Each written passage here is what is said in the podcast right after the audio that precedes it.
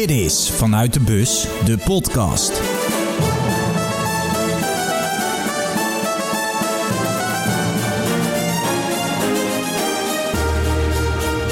Goed dat je luistert naar dag 14 van Vanuit de Bus. Wederom een uh, lekkere dag. Ik ging weer op pad in mijn bus, wederom naar Brabant. Maar dit keer niet naar Breda, maar naar Maaskantje. Kijk, blijf godverdomme van mijn buur af! En in Maaskantje woont Jordan Speters. Negen jaar speelde hij bij Willem II. Acht seizoenen daarvan was hij de aanvoerder. Afgelopen jaar hield hij ze in de eredivisie. Hij heeft een bekerfinale gespeeld, Europees voetbal. Heel veel meegemaakt. Maar waar ik vooral benieuwd naar was, was van oké, wat is nou daadwerkelijk de rol van een aanvoerder binnen zo'n groep?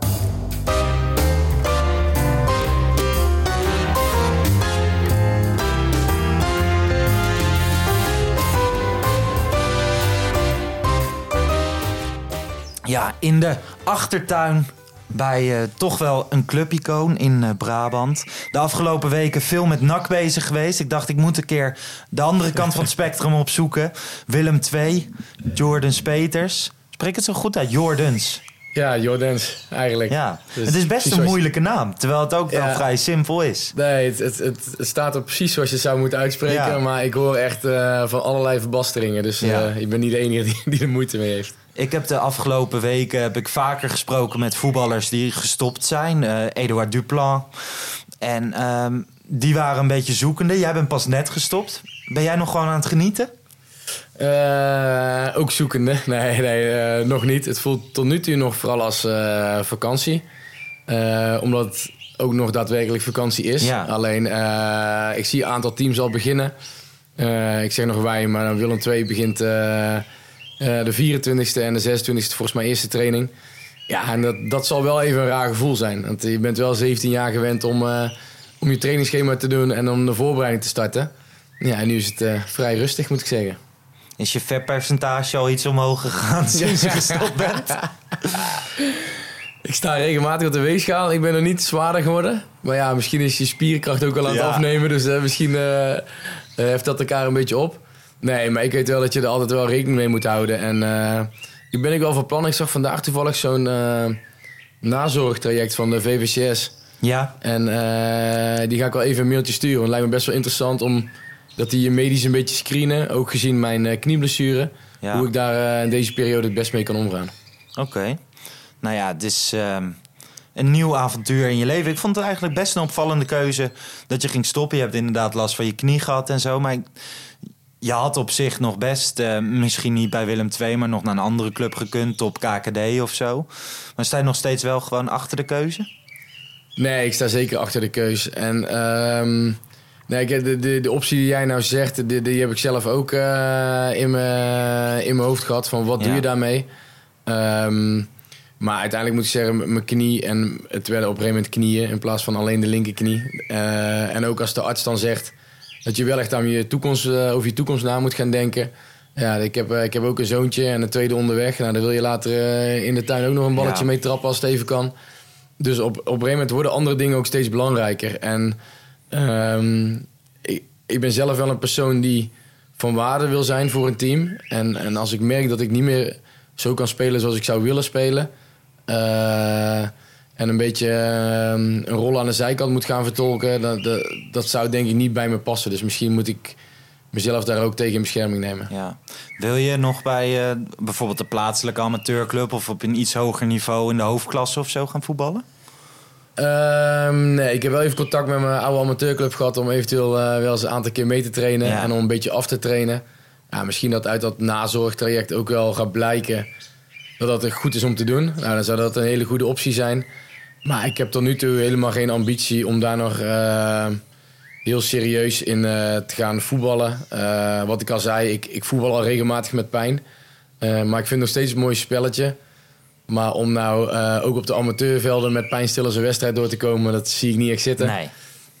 Um, ja, plus je gaat uiteindelijk ook weer andere dingen doen. En ja, ik, ik ben wat dat betreft een ambitieuze jongen die daar ook weer goed in wil worden. Dus er gaat ook gewoon weer veel tijd, veel ja. tijd in zitten. Ja, je zei net al even van uh, ik wil nog voor, van waarde zijn voor het team. Ik heb uh, Op de heenweg hier naartoe luisterde ik nog even het interview terug dat je had met Christian Wielaert en Gert-Jan Verbeek na de 6-0 nederlaag in eigen huis tegen FC Utrecht met Willem II dit seizoen. Toen viel je in in de 75ste minuut bij 5-0 achter. Er zijn dat momenten geweest dat je dacht van ja, nu ben ik niet meer van waarde op het veld. Tenminste, vandaag niet. Misschien moet ik, uh, moet ik ermee stoppen? Of had je het toen al bepaald? Nee, toen had ik het... Uh, mijn beslissing was, was grofweg wel duidelijk. Uh, en um, ja, bij 5-0 achterstand invallen. De weken voor was 4-0 trouwens, bij Feyenoord. Ja. Dus heb je ze alle twee meegemaakt. Um, ja, dat, dat zou je normaal um, ook niet snel doen. Dat zou er normaal ook niet snel van mij gevraagd worden... Maar we zaten als team in een dusdanige situatie uh, dat je echt aan clubbelang moet gaan denken. Um, en we hebben daar echt vele groepsgesprekken over gehad met heel de groep. Um, en daarin heb ik eigenlijk als aanvoerder ook aangegeven dat, dat iedereen zich ondergeschikt moet gaan maken. Ja, en als er dan aan je gevraagd is om bij 5-0 achterstand in te vallen, omdat Sven van Beek nog geen 90 minuten kan, dan moet je maar invallen. en dan moet je daar ook het goede voorbeeld te geven. En dan moet je dan jezelf daar niet ineens te groot voor voelen. Uh, maar dat was wel grappig dat je dan voor de camera komt... terwijl ik echt 10 minuten mee heb ja. in een verder kansloze wedstrijd. dus, uh, dus ja, ik heb daarna ook wel bij de perschef aangegeven van... kijk, ik snap dat ik als aanvoerder altijd voor de camera's moet komen. En uh, soms hebben ze me daar ook wel graag, ook de club. alleen moet niet zo zijn als ik een paar minuten heb meegedaan... dat ik daar de wedstrijd sta te analyseren... omdat ik daar op dat moment dan echt geen rol in heb gespeeld. Nee, want dan moet je echt kritisch zijn op je teamgenoten. En anders kan je kritisch zijn ook op jezelf. Nee, inderdaad. Dan ben jij als, uh, als, vooral als aanvoerder, ben jij gewoon onderdeel van het team. En als je zegt, wij hebben slecht gespeeld, dan heb je slecht gespeeld. En nu is het altijd een beetje, als jij dus niet hebt meegedaan, of maar heel kort... Het is altijd of je daar andere mensen op aanspreekt. En dat, dat gebeurt ook wel, maar vooral intern. Ja, zeker na die wedstrijd. Je ziet jou ook voor de camera staan. Je was ook vrij vlak. En toen op een gegeven moment zei Gert-Jan Verbeek... er mogen best wat GVD'tjes vallen. Toen zei jij, maak je geen zorgen. Er vallen echt wel GVD'tjes.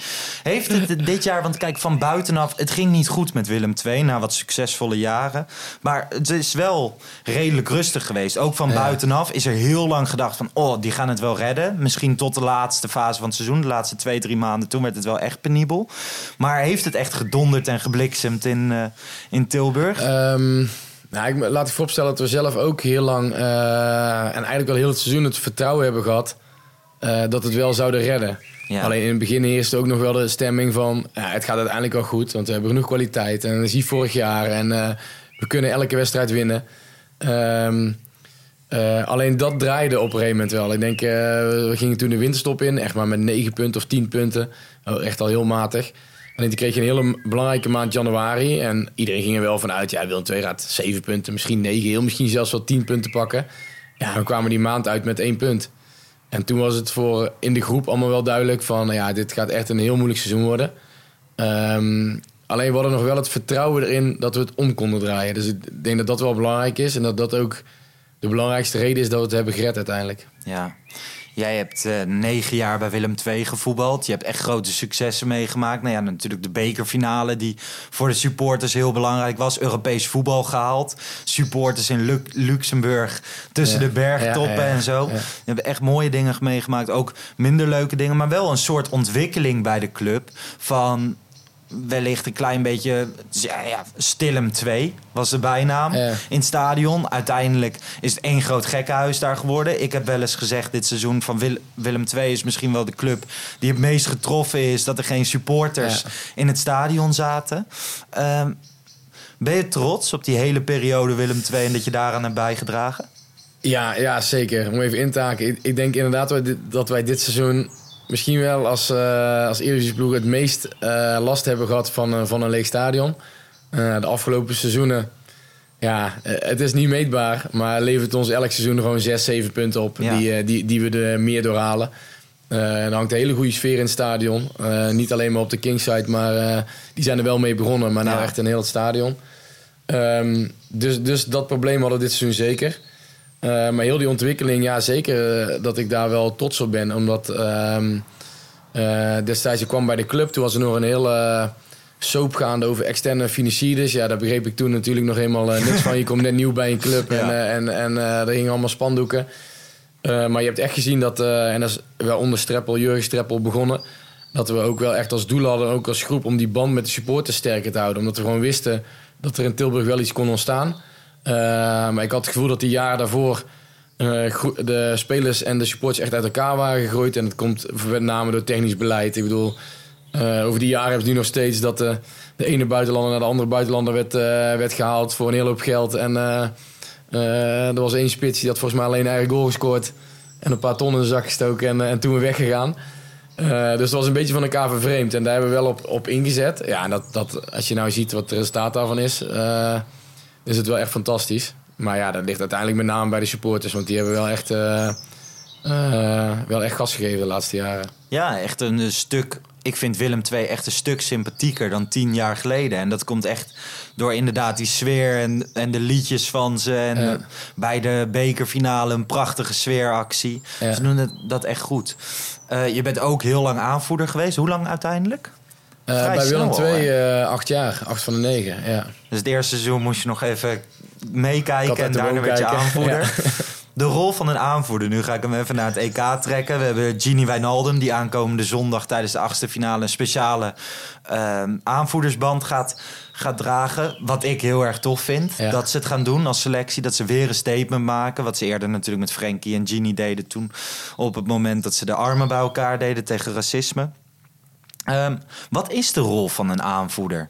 Van buitenaf wordt er wel eens gezegd van ja, het is alleen een symbool.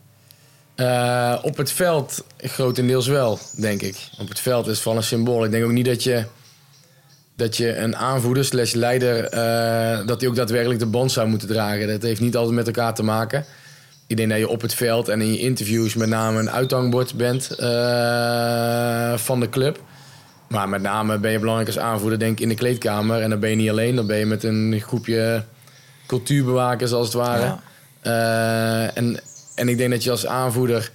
Um, ja, ik ben altijd een aanvoerder uh, voor de spelers geweest, met name. Je zit natuurlijk een beetje tussen staf en spelers in. Um, ik heb al me voorgenomen, ik heb echt honderd keer liever dat een uh, collega, een oud collega tegen me zegt van uh, je was een goede aanvoerder, dan dat alle trainers dat zeggen. Dus, ja. dat, dus dat is daarmee wel altijd mijn insteek geweest. En uh, ja, ik, ik heb dat met name geprobeerd door gewoon te verbinden oh, tussen staf en, en, en, uh, en spelersgroep, maar ook in de spelersgroep. Um, en tot nu toe heb ik het gevoel dat het wel altijd gewaardeerd is. Maar ja, uh, dat, je hoort vaak alleen de positieve natuurlijk. Dus. Dat is waar. Als je, als je kijkt van, nou ja, naar het, het statussymbool van een aanvoerder... dan is bijvoorbeeld Messi bij Barcelona.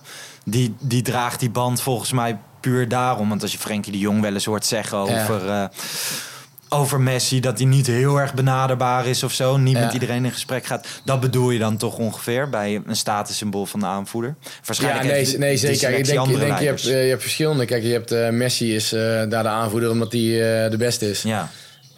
Um, dus de, dat zie je wel vaker. Je hebt meer aanvoerders waarvan ik er denk ik één was die meer een beetje lead by example. Dus, dus door het goede voorbeeld te geven, het team proberen te beïnvloeden. Um, ja, zo, zo heb je, je hebt natuurlijk heel veel verschillende types. Uh, ik weet nog wel in het begin een beetje van mijn carrière werd ook altijd wel gezegd, ja, een aanvoerder die moet iedereen op zijn plek zetten. En als het niet goed is, dan, dan moet je een uitbrander geven. Ja, daar heb ik toen over nagedacht. Want ik bedoel, je, je krijgt dat mee als advies. Alleen, ik weet niet of het... ik zeg niet dat iedereen zijn schooldiploma heeft gehaald in de kleedkamer. Maar streetwise zijn ze allemaal. En, en het laatste wat je moet doen is acteren.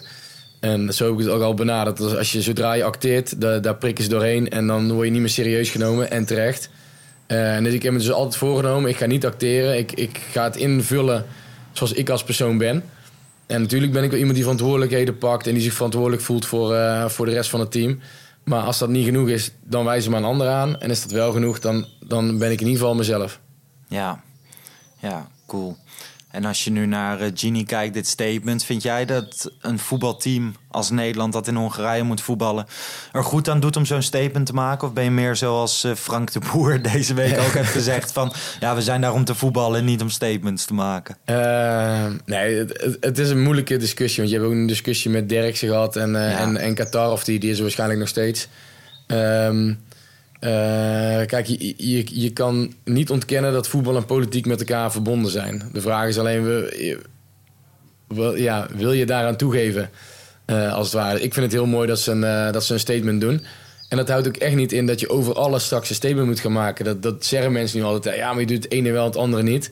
Ja, je maakt er een bepaalde keuze in. Je kunt niet overal een statement maken. Dan zou je elke wedstrijd zou je wel iets kunnen dragen of uit kunnen dragen. Want bijna in elk land is er wel iets. In, in, in bijna in elke stad in Nederland is er wel iets. Um, dus zover moet je misschien ook niet gaan. Maar ik vind dit wel een mooi statement. We praten over een EK, Europese Unie. Ja. Die allemaal met elkaar samenwerken. En waar dus in sommige landen totaal andere regels gelden voor bepaalde bevolkingsgroepen. Ik vind dat je daar als, als Nederlands team wel uh, aandacht aan mag besteden. Ja. Ja, Bart Vriends zei eerder deze week bij de krantjes... die uh, elke ochtend op de YouTube van FC Afkikken te zien zijn met Joost Hofman... zei hij van, ja, bijvoorbeeld in de situatie Qatar... zou ik, zou ik hopen dat ik als speler me uit zou durven spreken. Want iedereen houdt nu natuurlijk Ja. zijn mond. Hij zei van, ja, ik zou het hopen, maar...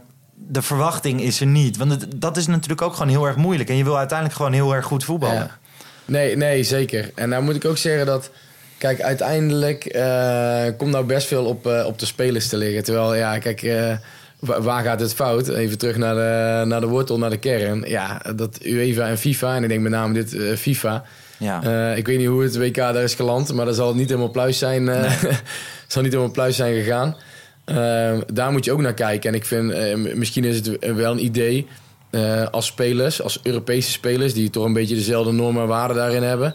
Eh, om wel richting UEFA bepaalde standpunten duidelijk te maken. Ja. Dus als UEFA kan zeggen van oké, van Qatar hebben we allemaal geleerd. Eh, alleen we moeten wel echt goed kijken waar we toernooien gaan laten landen. Ehm, alleen met WK werd het nou in één keer heel groot gemaakt. Maar we hebben ook eh, Olympische Spelen in, in Peking gehad. Nou, in China, ja, de Oeigoeren zitten ook met eh Ja. 3 miljoen in een kamp. Ehm, De dus winterspelen in Sochi, Ja, WK in Rusland. ja, WK, ja, precies. En zo zijn er nog legio voorbeelden. Ja, je doet ook een WK in Brazilië.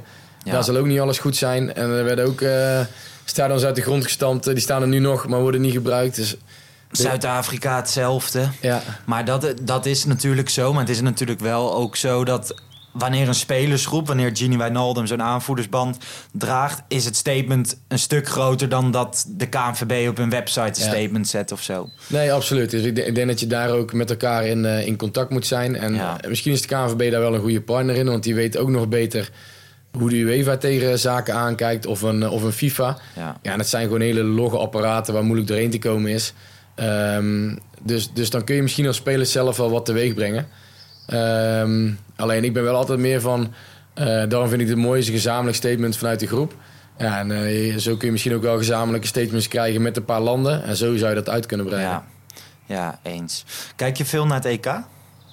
Ehm, ja, weet, weet- ik blijf er niet speciaal voor thuis. Er zijn nou nog zoveel wedstrijden. En ik moet zeggen dat de poolfase vind ik echt door de, de, dat de beste derde plek ook door me echt wel een beetje, eh, een beetje verkracht. Ja. er vallen maar acht landen af, hè? Ja, precies. En, en die acht die kon je bijna van tevoren ongeveer wel invullen. Ja. Eh, dus dat vind ik heel jammer. Dus ik weet zeker als daar de, de actiefinales gaan beginnen. Dat zijn bijna allemaal wedstrijden die, je, eh, die je wil zien. Dus die ga ik zeker kijken. Maar nu zijn er ook wedstrijden bij. Dat, ik vind het mooi van het toernooi. Dat als je de eerste verliest, dat je echt al een heel groot probleem hebt. Ook, ook de grotere landen. En nu kun je makkelijk hier in de pool verliezen. Je kunt er Ja. zelfs twee verliezen en je kan alsnog door. Ja, dat vind ik niet een, eh, ik vind het geen goede ontwikkeling. Ja, en op een gegeven moment wordt het natuurlijk rekenen. De pools, wij nemen dit op voordat de laatste poolwedstrijden worden gespeeld. Maar in die pool F, dus de, de pool des doods, weten ze gewoon wat ze moeten doen Ja. om als derde door te gaan. Ja. Dus Portugal mag volgens mij niet met meer dan drie doelpunten verschil Nee. verliezen. En dan gaan ze alsnog ja, door maar, maar als dat, nummer dat drie. vind ik dus ook. Dat is dus in principe ook niet, niet eerlijk. Dan heb je dus als je Nee. pool A heb je dus zwaar word je benaderd op, eh ja, op pool want je F. weet het niet. Dus dan zouden ze al die laatste wedstrijden gelijk moeten gaan Tegelijk spelen. moeten. Ehm, dus ja, ik vind het een beetje een gekunsteld iets nu. En dat, dat zal eh, natuurlijk een financiële insteek hebben om meer landen mee te laten doen. Ja, Alleen, eh, of je laat er nog meer meedoen en je haalt die kwalificatie gewoon weg. Je doet het voor de kleine landen en je maakt er één groot toernooi van. ja. Ehm, of, eh, of je gaat wel gewoon terug naar, eh, naar hoe het eerst was en dat er gewoon twee in de pool doorgaan. Ja, het wordt steeds meer. Het WK gaat straks ook naar 48 teams in plaats van eh, 32, Ja. volgens mij vanaf 2026. Het is bizar. Maar als je nu gewoon eh, wat je wel hebt gezien, welke teams, eh, ja, Italië is genieten. Ja. Duitsland is toch wel positief. Nee, zeker. Ik moet zeggen dat er wel... ehm, eh, ook wel wat kleiner. Ik vind bijvoorbeeld zo Tsjechië en Denemarken vind ik ook gewoon eh, leuk Ja. voetballen. Dus, eh, het zijn meestal de landen die me een beetje verbazen waar je dan, eh, dan extra naar kijkt. Ehm, ja, uiteindelijk vind ik het tot nu toe Nederland ook gewoon een heel goede indruk maken. En eh, eh, verdedigend gaan ze tegen toplanden echt wel een paar keer in de problemen komen. Alleen, ik vond er, er wordt nou heel erg de nadruk op gelegd. Terwijl ik echt niet had verwacht dat we zo, zo fris en ook in veel wedstrijden zo dominant zouden, zouden spelen. Dus op dit moment vind ik Nederland gewoon een hele goede indruk maken. Ehm, doet Italië inderdaad. Ehm, Du- Duitsland ook. Ehm, ook wel een aantal landen die, eh, die het moeilijk hebben, moet ik zeggen. Ja, Spanje. Ja, inderdaad. Daar staan een voorbeeld En, van. eh, en Frankrijk laat ook nog niet echt zien dat ze zo'n miljoenenploeg hebben. Nee, nee. en dan moet ik wel zeggen dat het, het is denk ik ook wel moeilijk. En je hebt natuurlijk als clubteam natuurlijk de kans om heel lang eh, iets in te slijpen. En dan heb je natuurlijk als, als landenteam helemaal niet. En zijn wel een aantal landen die spelen eh, mooi voetbal, maar die zullen dadelijk misschien wel weer uitleggen liggen tegen Frankrijk. Die gewoon eh, rustig afwacht en op Mbappé gokt. Ja, Dus eh, Nou, ik was vorige week was ik bij Ralf Seuntjes. En ik zei in dat gesprek met hem van... ja, het is ook wel leuk als Frankrijk ergens pootje wordt gelicht... want anders worden ze weer Ja. Europees kampioen... en laatst ook al wereldkampioen. Hij zegt van nee, het is... Ik vind het raar dat altijd mensen willen dat de underdog wint. Want bijvoorbeeld dat Real Madrid drie keer de Champions League op een rij wint. Ja. Elk jaar is dat knapper. Ja. En bijvoorbeeld jij eh, bij Willem II halen jullie Europees voetbal... wat Ja. super knap is. Maar een jaar later eh, hebben jullie het moeilijk. Het zou nog knapper zijn als je het Zeker. een tweede keer weer kan. zeker, nee, daar ben, ik, daar ben ik ook zeker met hem eens. Je hebt, je, je hebt altijd een soort van sympathie voor de underdog. Ja, Eh, in voetbal dan, bijvoorbeeld in tennis heb ik dat niet. Ben ik altijd voor eh, Nadal of voor Federer. Ja. eh, snap je? Alleen, hey, ik snap wel wat hij bedoelt. Uiteindelijk is het gewoon heel knap als jij heel lang aan de top kan blijven staan. Alleen ik vind het nu jammer dat er landen naar het EK gaan. Ik bedoel, dat is een hartstikke mooi podium. En die dan zich ontzettend gaan ingraven.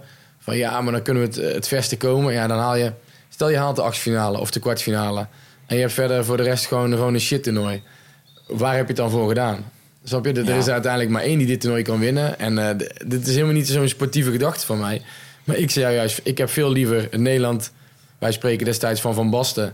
die Italië en Frankrijk eh ondersteboven voetballen. ja. En dan lig je eruit tegen Rusland. Ja, maar iedereen weet die poolfase nog. nee, daarom, dat bedoel ik. Van, je wil uiteindelijk iets historisch neerzetten. En die wedstrijden zijn historisch. De 5-1 tegen Spanje eh, is, Ja. is voor je gevoel ook historisch. Daar denk je aan. En je denkt niet aan in 2010...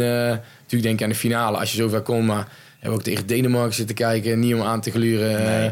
dus, dus ja, wat dat betreft ben ik wel een beetje romantisch op die eindtoernooien. Iedereen kijkt daarna. Dan denk ik, ik ga ook gewoon proberen goed te voetballen met z'n allen. Ja, dat doet Nederland in principe wel. Ze willen Ja. best attra- attractief eh, spelen. Waar ehm, waarschijnlijk iedereen waarmee jij spreekt in deze tijd gaat op dit onderwerp terechtkomen. Als jij kijkt naar eh, dit Nederlands elftal. Dacht jij een paar jaar geleden toen je met Frenkie de Jong op het middenveld stond. dat hij zo belangrijk en zo goed zou worden? Ehm, je, je kan het bij heel veel spelers moeilijk inschatten. Ja, Maar ik dacht vanaf het begin bij Frenkie, als die, als die eh, in, in hoe makkelijk die wegdraaide. eh, dus hij, hij heeft gewoon bepaalde kenmerken. Eh, daarmee eh, maak je het de Willem II-verdediger moeilijk. Maar ook eentje van Real Madrid. Snap je? Je, komt Ja. niet echt in duel. En, en, en eh, je hebt ook spelers die lopen op een gegeven moment tegen een plafond aan. Maar ik, ik zag bij hem ook niet meteen van... waar zou hij dit niet kunnen doen? Als je altijd baas over de bal bent. Als je altijd je ruimte goed scant. Ehm, dus het, klinkt heel raar, maar gelukkig heb ik al tegen mijn vrienden gezegd toen hij naar Ajax ging. dat veel jongens zeiden van ja, maar die komt in de lichten met Nouri, Van der Beek, Bazoer. Gaat hij nooit redden. Gelukkig heb ik destijds al gezegd. Het zou me niet verbazen als hij van, daarvan de beste gaat worden. ja. En, eh, maar dat komt puur gewoon inderdaad op de makkelijke manier hoe hij voetbalt. En dat heb ik ook verder, verder niet bij veel spelers gehad. Nee, er zijn niet veel Frenkie de Jongs op de wereld. En ik denk zeker niet dat ze bij Willem II elk jaar Nee. langskomen. Maar eh, het lijkt me wel gewoon, eh, gewoon cool. Bij Willem II natuurlijk speelde hij niet heel veel. Ging hij inderdaad naar Ajax. Ging hij eerst in jonge Ajax. Toen, dan vrij, toen is het vrij snel gegaan. Maar het is echt tof om zijn ontwikkeling te volgen. Zeker als je met hem hebt gespeeld en op het trainingsveld hebt gestaan. Ja, ja en, het, en het is daarin ook gewoon een hele nuchtere, eh, leuke gozer. En eh, Als je nu ook nog het cliché eruit poft dat hij uit Arkel komt, dan... eh, nee, nee, nee, die dat was niet van plan. Nee, maar ik Dat bedoel, ik bedoel daarin dan heb je altijd nog iets meer eh, gunfactor. En ook als je met hem hebt gespeeld, Dat is ook zo bijvoorbeeld bij, bij Isaac van Zweden. Ja, Ook, ook, een, ook een goede gozer om in je groep te hebben, ook als aanvoerder zijnde. En dan, en dan, dan gun je het ze nog iets meer dat ze het op het hoogste podium laten zien. En het, dat gevoel heb ik bij Frenkie hetzelfde. Ja, die Isaac had natuurlijk in de eerste wedstrijd tegen Spanje... had hij op een gegeven moment een dribbel in de 16... die je dit Ja. EK nog helemaal niet vaak hebt gezien. Nee. Gewoon zo in die korte ruimte en zo. Had je bij hem hetzelfde? Want ik vind dat ook echt een talentvolle... Ja, kijk, Speler. het is wel altijd moeilijk van... ehm, gaat iemand de, de echte top halen? Want hij speelt nu eigenlijk Ja. een beetje in, in de subtop. Ja. En die laatste stap, dat heeft eh, eh, ook gewoon ontzettend veel te maken met eh, mentaliteit. maar ook vooral, je moet ook gewoon geluk hebben. Je ziet de trainer net in je, in je zitten. Eh, Ja. Dat geldt om door te breken, maar dat geldt denk ik ook om de top te halen. Ehm, alleen dat is ook een jongen waarvan je dacht op training van... ja, als we een voor hem hebben... en je schiet alles met links en rechts altijd tussen de palen... dan kun je in ieder geval wel naar een hoger niveau. Ja. Ehm, dus dat hij bij Sociedad heel goed doet, verbaast me niet. Of hij die laatste stap kan maken, ja, dat is ook een beetje geluk. Maar als je ziet hoe jong die nog is en hoe hij zich nu weer laat zien, zie ik daar wel, wel eh, rooskleurig in, ja. ja, want de spits daarvoor... dat was de grote publiekslieveling Frans Sol bij Willem II. Ja. En daarna komt Isaac dan, een tijdje later. En, eh, maar bij Isaac zie je wel veel meer voetbalintelligentie en talent dan bij Frans Sol. Ook al knallen Ja. ze er allebei veel ballen Ja, in. zeker. Nou ja, compleet andere types. Ja. Eh, Van Sol is wat dat betreft echt een, echt een afmaker. Eh, ook kopsterk in de 16, ontzettend goede timing. Ehm, ook denk ik nog wel iemand, een meer flamboyante eh, persoonlijkheid. Ja. Eh, en bij Isaac was, was rustiger, maar heeft weer veel meer kwaliteit om snel kan, kan helemaal een actie of een kans zelf creëren. Ze is niet echt afhankelijk van zijn teamgenoten. Ja, dat is echt een totaal ander type. ja. Nou, dank voor dit gesprek. Tot slot, wie wordt de Europees kampioen? Ehm, ik heb vanaf het begin, net zoals bijna iedereen, wel ingezet op, eh, op Frankrijk. Ja. Je hoopt natuurlijk altijd eh, lekker chauvinistisch op Nederland. Maar dat, dat acht ik, die kans acht ik niet groot. Omdat ik te veel landen op kan noemen die beter zijn. Ja. En eh, je kan er eentje uitschakelen, maar ik denk niet drie achter elkaar. En ik, ik hoop stiekem ook wel een beetje... Ik, het leek me ook wel leuk, eh, zo'n Engels team. Jonge gasten, fris, Ja. eh, fris team. Dat lijkt me dan ook nog wel leuk. Dus die wilde ik eigenlijk in de pool invullen. Maar ja, dan denk je toch van... Ja jongens, het ging, het ging ook om de centjes. Dan val ik toch wel weer terug op Frankrijk. ja, ik heb wel Engeland gedaan, gewoon in de hoop. Maar ik sta in de FC Afkikkers Corito pool sta ik inmiddels 2400ste van de 2600. Dus ik doe het niet heel goed. Nee, inderdaad. Dus Engeland moet het gaan doen. Nou, thanks voor je gastvrijheid. Geen dank. En tot de volgende keer. Zeker.